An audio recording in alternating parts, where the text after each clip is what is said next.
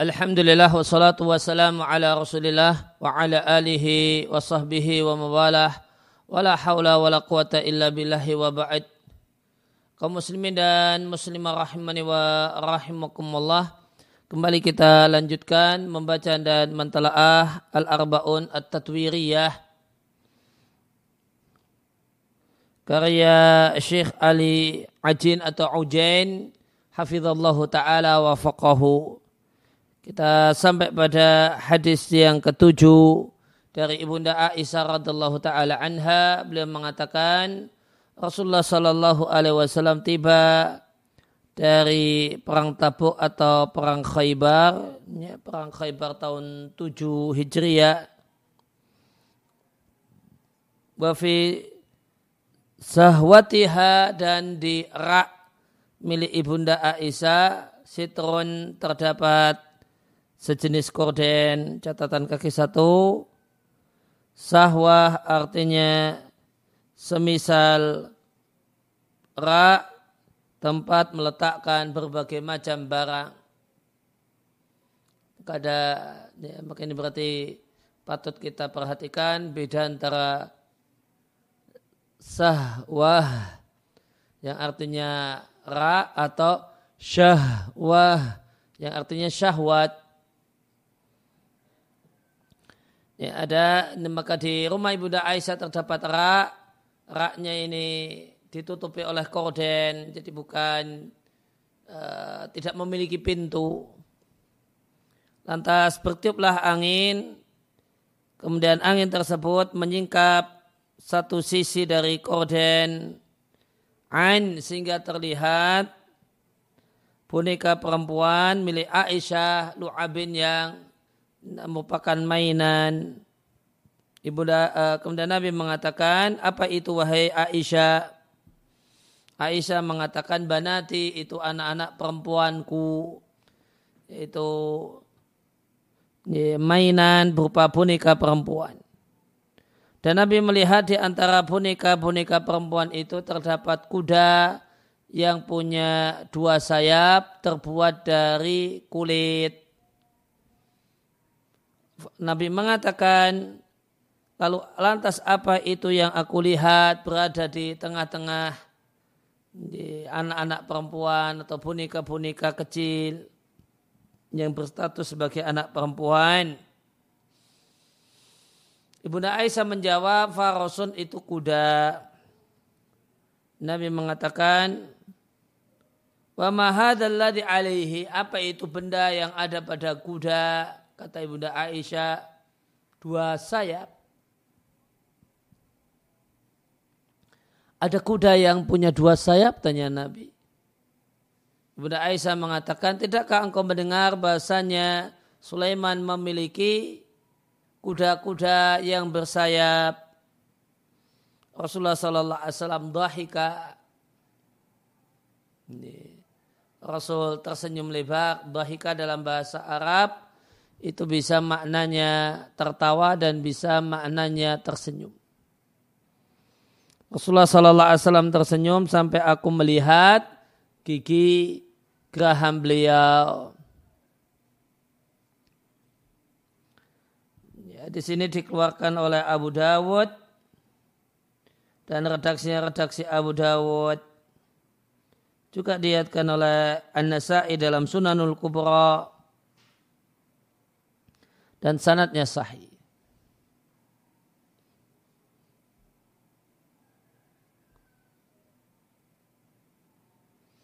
Ya, maka dalam uh, dalam dialog keluarga yang indah ini Nabi Shallallahu Alaihi Wasallam bertanya kepada Aisyah radhiallahu anha uh, tentang permainannya tentang mainannya Waya dan mainan ibunda Aisyah ibaratun adalah anduman ya, boneka libanatin bentuknya anak perempuan.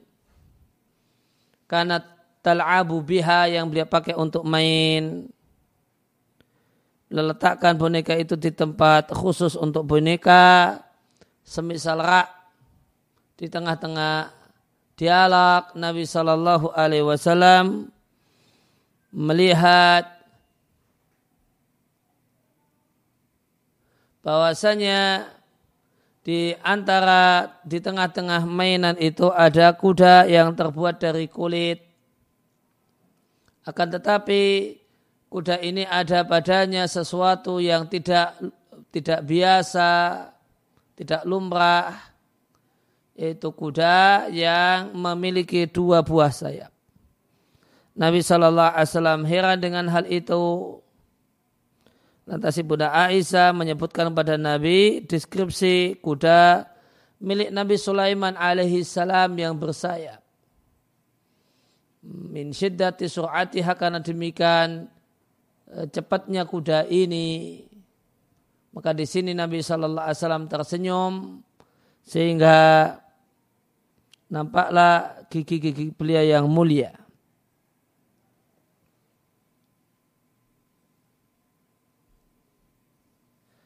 Maka Nabi berdialog dengan Ibunda Aisyah radhiallahu taala anha sampai Ibunda Aisyah bisa meyakinkan Nabi dengan idenya yang bersifat imajinatif. Kuda bersayap. Dan tertawanya Nabi Shallallahu Alaihi Wasallam mengandung persetujuan Nabi kepada Ibunda Aisyah memiliki mainan seperti itu.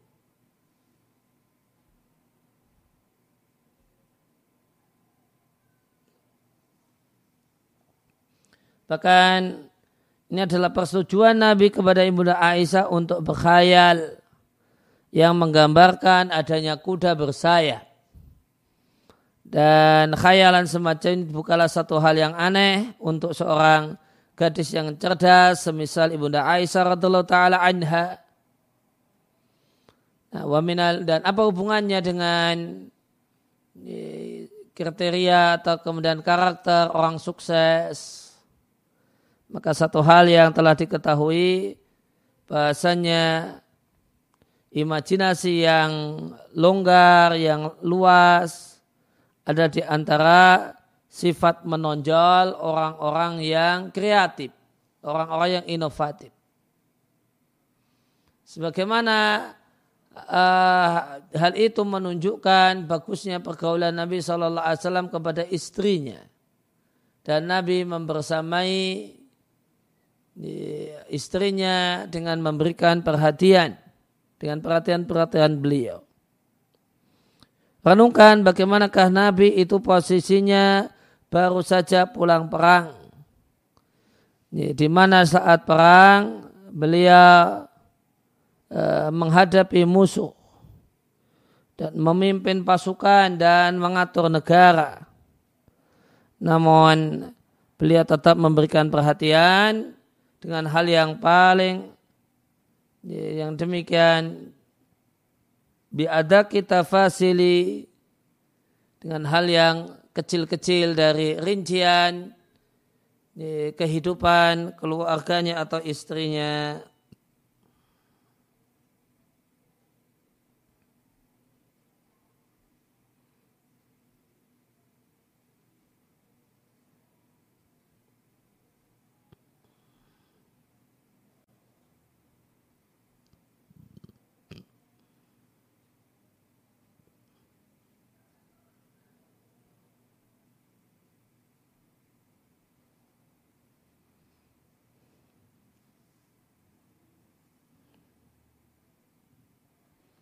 Kalau koro'ah mukoro'ah dalam hal ini artinya beradu senjata.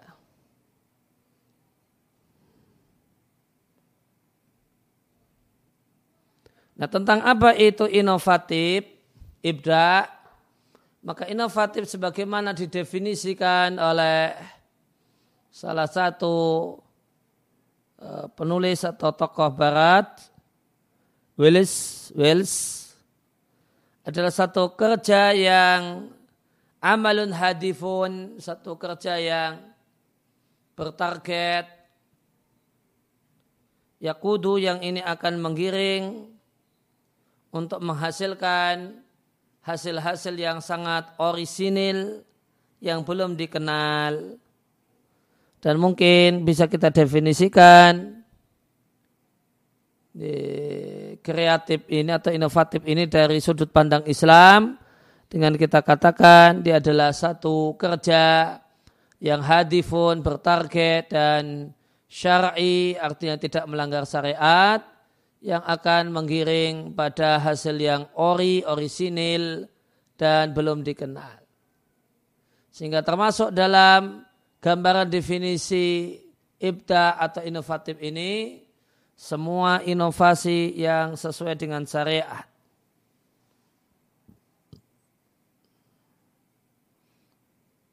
Dan definisi ini mengeluarkan semua aktivitas yang tidak terukur dengan parameter syariat. Ya, dan tokoh yang lain, Korubili, berpandangan bahasanya parameter al-intaj al-ibda'i produk yang inovatif itu memiliki ma'ayir parameter. Yang pertama adalah kebaharuan al-hadatsah atau al-jiddatu kebaharuan.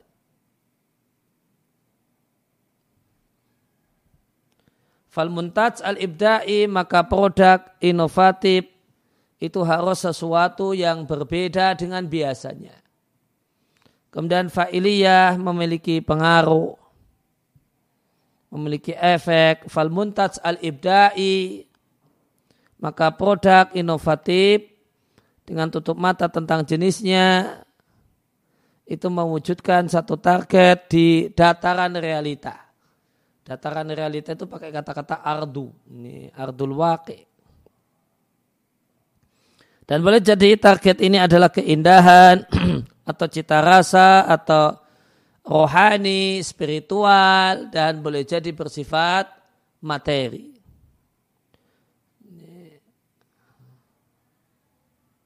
Kemudian Korabili menjelaskan parameter-parameter ini dengan mengatakan tentang kebaharuan itu mengisyaratkan adanya sesuatu yang tidak dikenal di masa sebelumnya di satu lingkungan tertentu uh, fa'iliyah atau memiliki pengaruh maknanya kebaruan ini membantu ala ta'amuli membantu dalam berinteraksi dengan satu problem tertentu.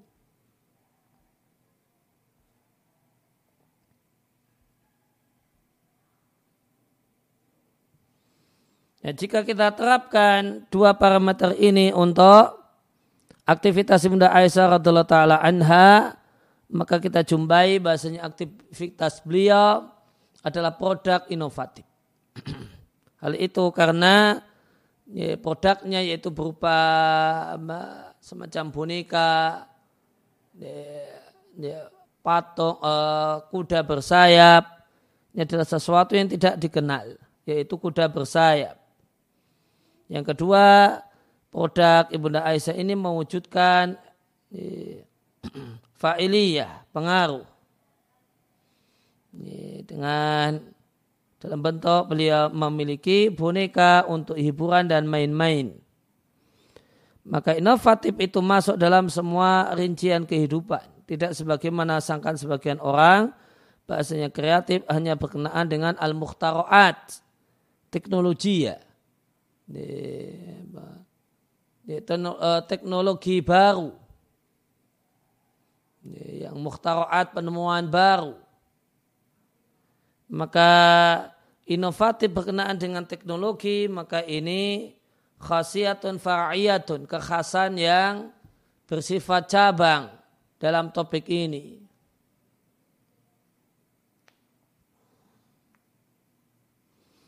Maka ide-ide baru adalah materi perubahan dalam semua aspek kehidupan. Ilmu pengetahuan sampai juga seni, politik, dan kebahagiaan personal. Nah, lantas apa yang bi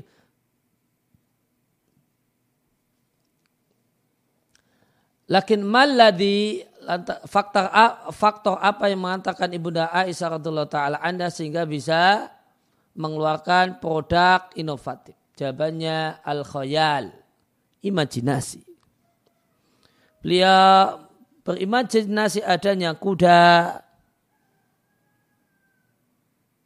dan kuda ini tidak bisa terkalahkan, dia bisa berpindah dari satu tempat ke tempat yang lain dengan kecepatan yang e, mengerikan. Namun, e, namun faktor apa yang ia tasifu bidalika memiliki sifat demikian bisa berpindah dengan cepat jabannya burung Fa'al mungkin apakah mungkin kuda memiliki sayap? Maka beliau lantas membuat kuda bersayap. Dan imajinasi definisinya adalah aktivitas kejiwaan. Ya, melalui aktivitas ini terwujudlah amaliyatun sejumlah uh, amaliyatu tarkibin wa damjin proses penyusunan dan penggabungan di antara mukawinat berbagai macam unsur pembentuk uh, ingatan dan pemahaman.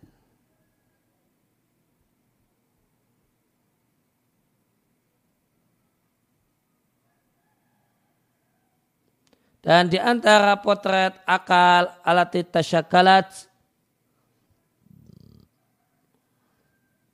yang membentuk mingka belum sebelumnya melalui berbagai macam pengetahuan. Maka watakunu nawati judalika kullihi hasil dari itu semua takwinatun berbagai macam bentuk askal model akliyah jadidah dari akal yang baru.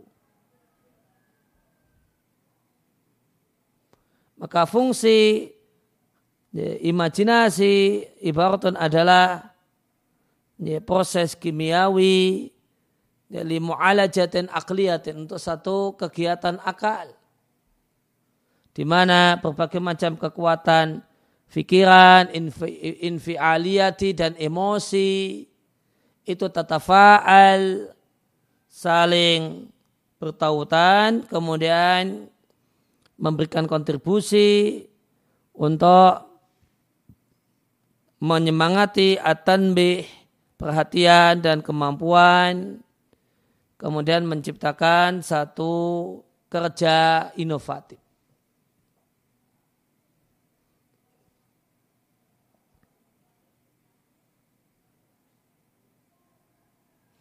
Maka fanasyatu al-akli maka energiknya akal al-khas yang khas bitansyid dengan mengenergikan semua uh, hal yang memungkinkan untuk dibayangkan dan imajinasi adalah satu ini adalah satu uh, nasyat kegiatan yang sangat penting untuk memperkaya proses imajinasi. Fal khayalu adatul ibda'i maka imajinasi adalah alat untuk adanya inovasi.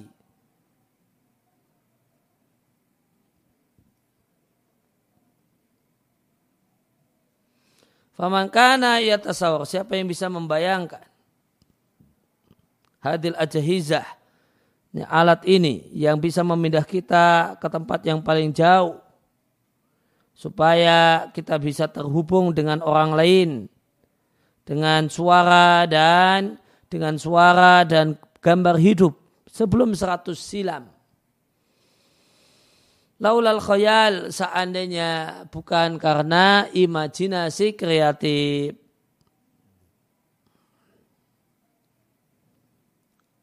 Dan ketika dan kita perhatikan respon Nabi ketika melihat ada imajinasi kreatif, beliau mendiamkannya, menyetujuinya dan hanya tertawa.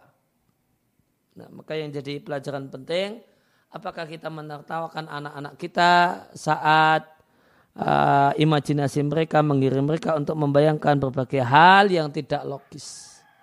Ataukah kita hancurkan anak-anak kita dan kita kerasi mereka karena imajinasinya?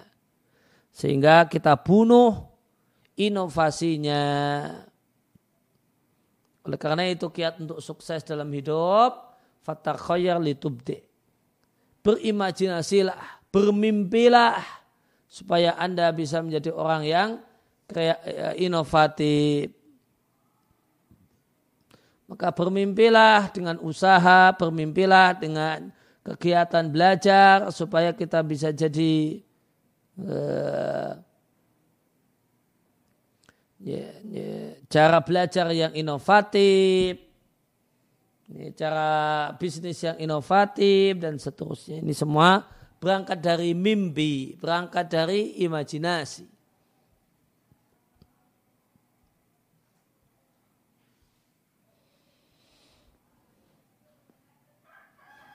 Hadis yang ke-8 dari Ibnu Abbas radhiallahu anhu dari Nabi sallallahu alaihi wasallam Nabi sampaikan dua nikmat. Rugi ketika mendapat dua nikmat ini banyak orang. Badan yang sehat dan waktu longgar. Maka di antara budaya kesuksesan yang menjadi kesepakatan semua orang yang sukses adalah ya, menghargai nilai waktu maka waktu satu nikmat yang tidak bisa diukur dengan harga. Maka fal istithmaru fil waktu yang menginvestasi dan memanfaatkan waktu ditambah badan yang sehat adalah bisnis yang paling utama karena orangnya selalu untung. Maka keduanya waktu dan badan sehat adalah modal. Dan orang yang ceroboh dalam dua hal ini dia adalah orang yang selalu merugi. Oleh karena itu Nabi Shallallahu Alaihi Wasallam melabeli orang tersebut sebagai orang yang marbunun, ay khasirun, orang yang merugi. Dan di antara indahnya perkataan Nabi Shallallahu Alaihi Wasallam, beliau menggabungkan antara dan menggabungkan jadi satu sehat dan waktu longgar.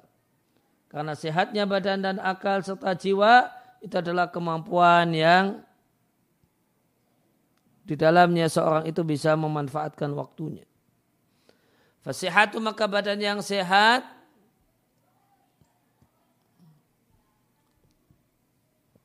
dia adalah kekuatan yang menggerakkan.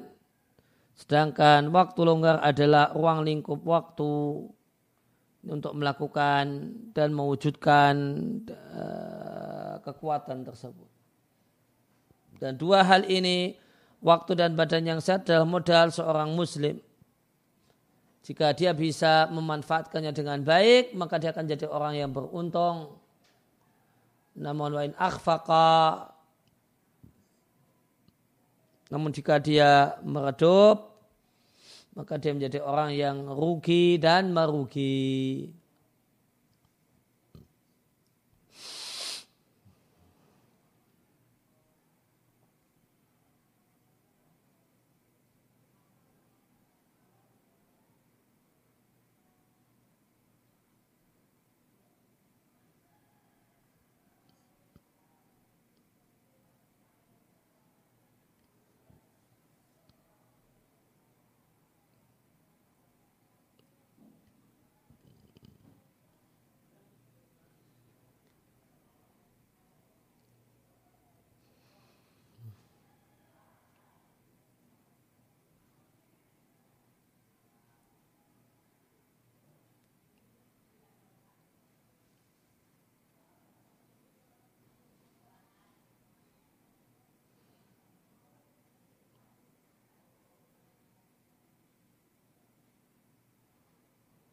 Maka akhfaqa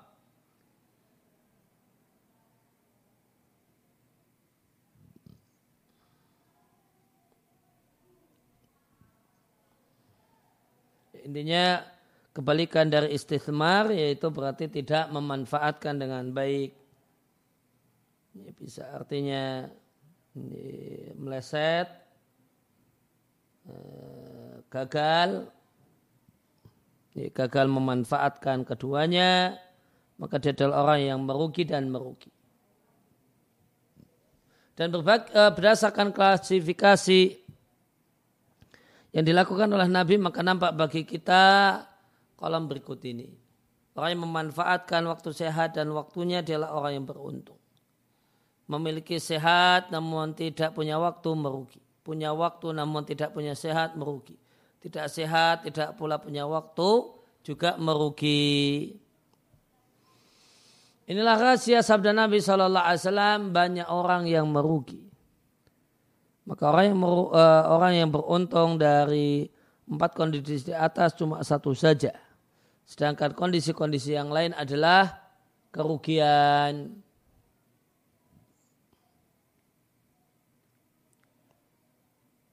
Maka apakah, apakah Anda bercita-cita supaya termasuk orang yang beruntung, orang yang sukses? Jika ya, jawabannya istathmir hayatak.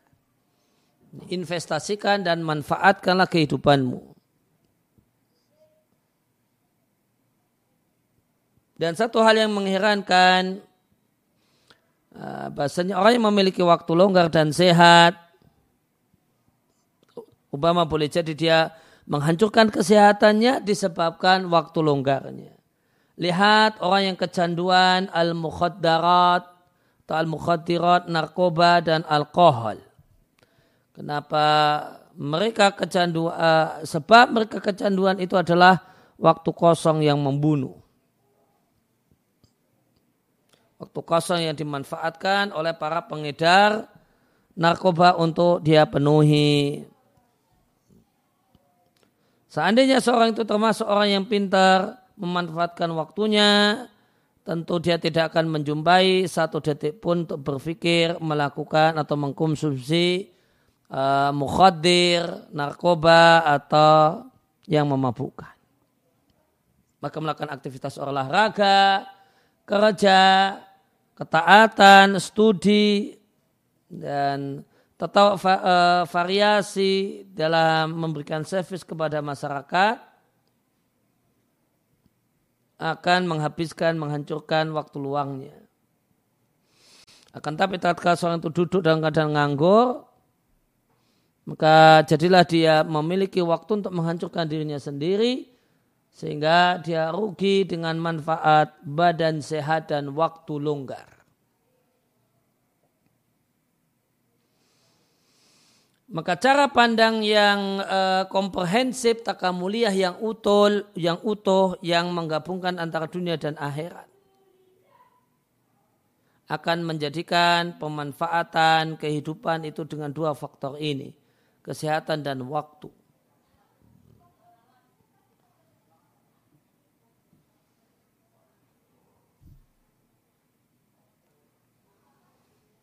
ya, waktu sehat, uh, badan sehat dan waktu. Dan ini adalah satu hal yang luas tanpa batas. Tidaklah terbatas pada mengerjakan syiar-syiar Islam dan berbagai macam ibadah. Ya, ada satu kalimat yang menarik.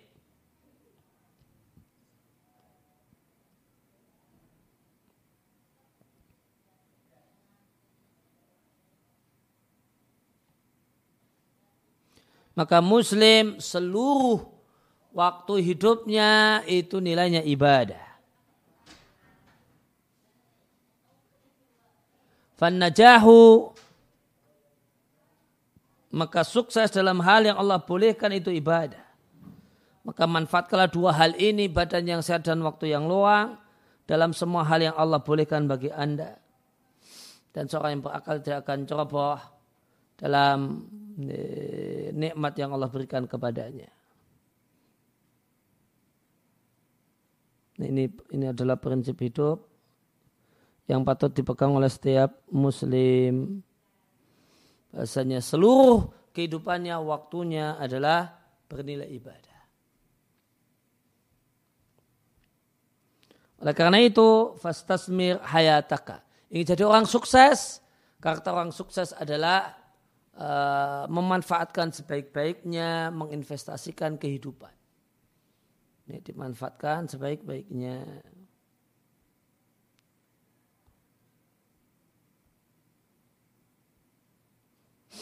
Kemudian hadis yang kesembilan dari Hakim bin Hizam radhiallahu anhu, Nabi Shallallahu Alaihi Wasallam bersabda, tangan di atas lebih baik daripada tangan di bawah.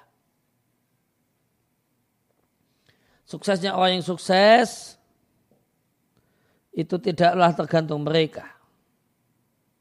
Karena orang yang sukses menginginkan agar orang-orang yang lain bersama mereka fi injazatihim dalam karya-karya yang mereka keluarkan.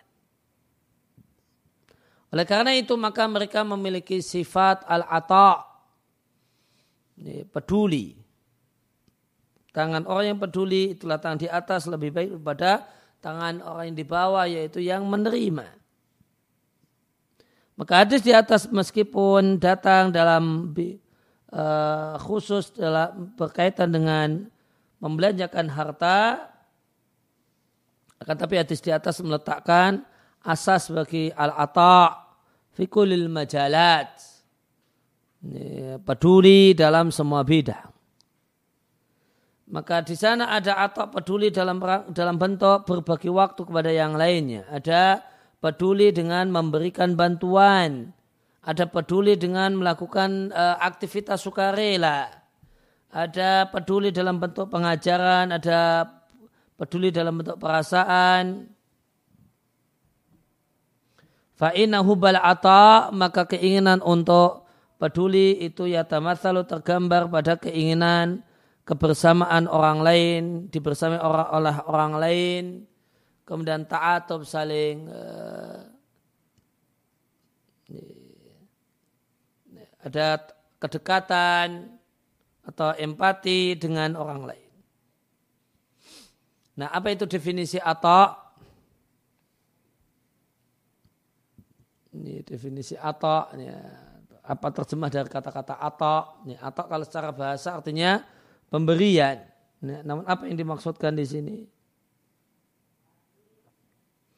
Fal atak maka definisi atak saya terjemahkan dengan peduli adalah anda bersegera untuk memberikan manfaat kepada orang lain secara sukarela dalam bentuk sengaja, secara langsung ataupun tidak langsung tanpa menunggu-nunggu kompensasi atau manfaat yang bisa didapat. Dan nilai al-ata peduli ini adalah nilai yang sangat substansial dalam masyarakat yang ya, yang berkeyakinan yang mengimani bita'awuni saling tolong menolong dan uh, dan menempuh prinsip al-atak peduli itu punya banyak model. Ada peduli yang bersifat materi dan ada yang bersifat non materi murni non materi, ada langsung dan ada tidak langsung. Sebagaimana mengandung perasaan adanya tanggung jawab sosial. Maka di buku Al-Akhdu wal Atta karya Adam Jernet, eh, penulis membagi manusia dalam kaitannya dengan at-tabaduliyah, saling peduli, saling berbagi, menjadi tiga kategori manusia.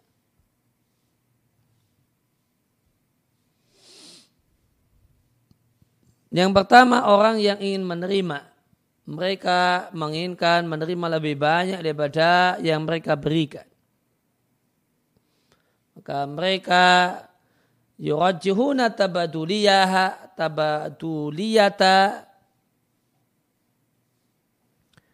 Ya, mereka menguatkan proses tukar menukar itu untuk kepentingan mereka pribadi.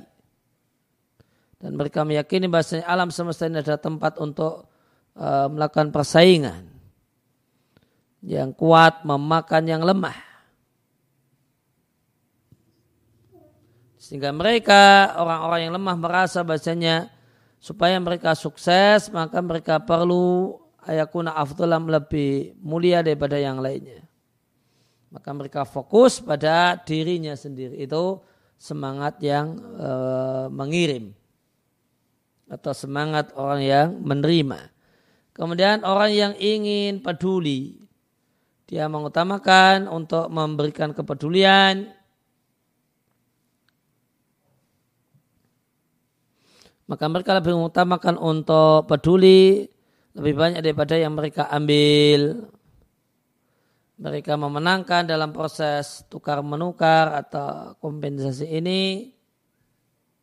Ingin yang lebih berat adalah pada pihak yang lain.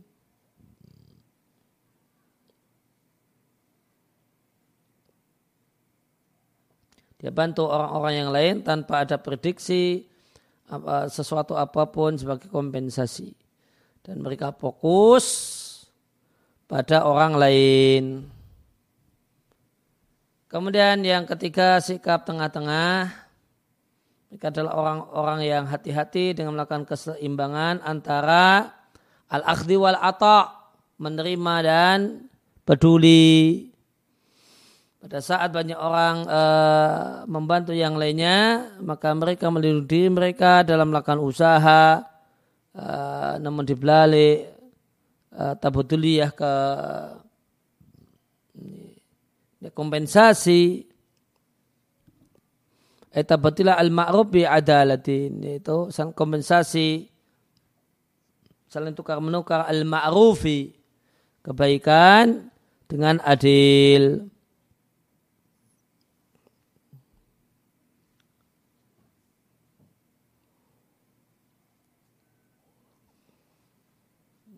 Ada satu kata belha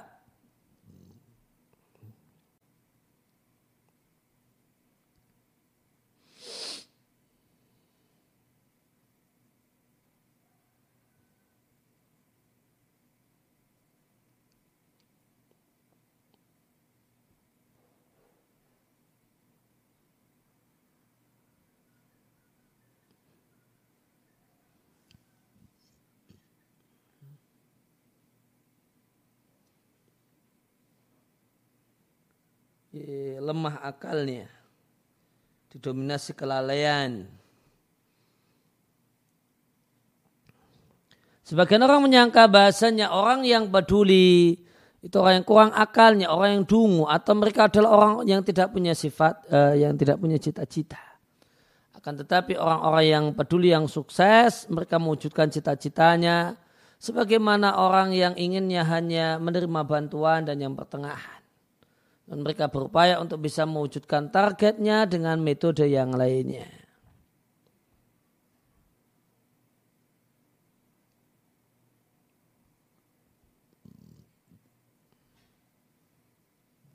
Maka orang yang suka peduli, orang yang suka dibantu, orang yang pertengahan itu mewujudkan kesuksesan. Semuanya mereka bisa sukses. Akan tapi ada sesuatu yang eh, istimewa ketika seorang yang peduli itu sukses. Lantas tersebarlah kesuksesannya dan berlipat-lipatlah orang yang ada di sekelilingnya.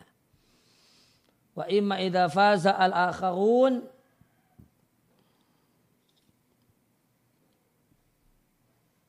ya. Fa idha faza al-akhidun Adapun orang yang hanya mau menerima itu beruntung, maka satu orang pribadi saja yang beruntung. Maka jika kita pinjam pembagian GERD ini, maka mungkin bisa kita katakan orang yang peduli, mereka adalah orang-orang yang memiliki tangan di atas. Sedangkan orang hanya mau menerima bantuan, mereka adalah pemilik tangan bawah. Sebagaimana terdapat dalam hadis dari Abdullah bin Umar radhiallahu anhuma, Rasulullah sallallahu alaihi wasallam bersabda,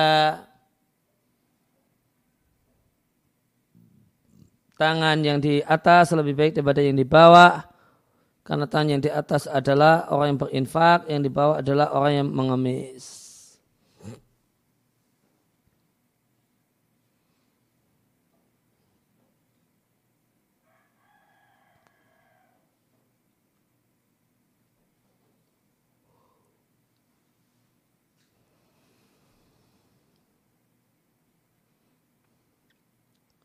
Ya, waliyatu salisa maka tangan jenis yang ketiga adalah tangan yang orang yang pertengahan di antara menerima dan berbagi.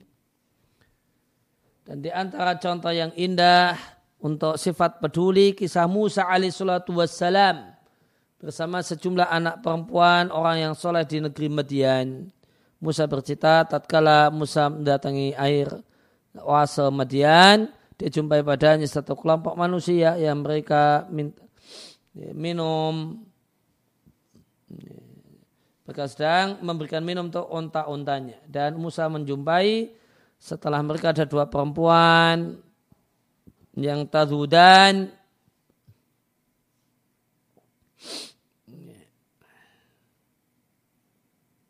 yang e, menjauh atau tersingkir. Kemudian Musa bertanya, apa kabar kalian? Keduanya mengatakan, kami tidak memberi air minum untuk unta-unta kami sampai para pengembala itu pergi karena ayah kami seorang yang tua renta. Lantas Musa memberikan minum untuk keduanya, kemudian Musa pergi ke kebayang-bayang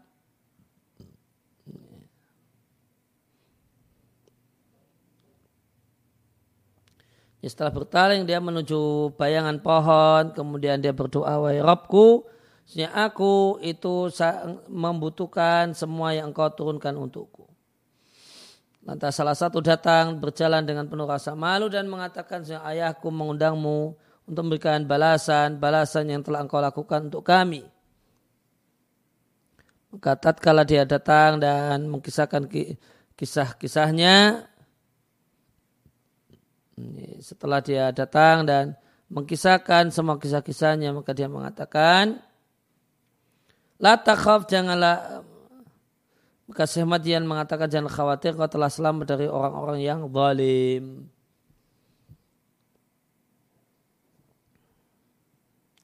Maka Nabi Musa alaihi salam bersegera lil ata untuk peduli. Dan dia adalah seorang yang asing, musafir dan terusir maka beliau suguhkan beliau berikan uh, pujian atau memberikan kepeduliannya untuk dua perempuan yang tidak beliau kenal. Akan tetapi uh, nampak pada diri mereka kebutuhan untuk dibantu. Maka beliaulah bagaimanakah uh, dampak atau buah dari pemberian ini atau ini dampak dari kepedulian ini. Bagaimanakah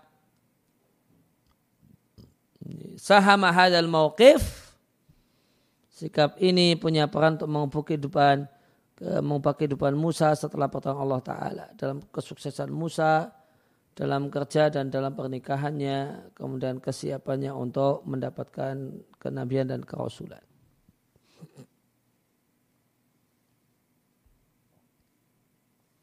Dan renungkanlah doa Musa setelah memberikan eh, kepedulian. Ya, wahai Rabbku, ya aku sangat membutuhkan apa yang kau telah turunkan kepadaku. Maka pemilik tangan yang atas, orang yang peduli tidak menunggu kompensasi untuk kerjanya dari orang lain. Namun dia minta agar dapat balasan dari Rabbul Alamin. Maka orang eh, maka orang ini adalah orang yang fakir dengan Rabbnya dan membutuhkan Rabbnya. Inilah yang membedakan kepedulian dalam sudut pandang ajaran Islam dengan menunggu al-balasa, menunggu balasan itu sejenis dengan usaha yang dilakukan.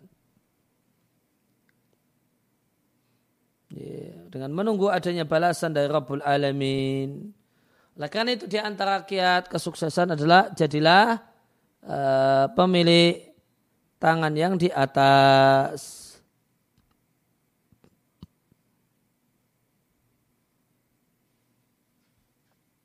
Ya demikian yang di uh, dibaca dan ditelak kesempatan kali ini wasallallahu ala nabiyina Muhammadin wa ala alihi wasallam. Ada pertanyaan?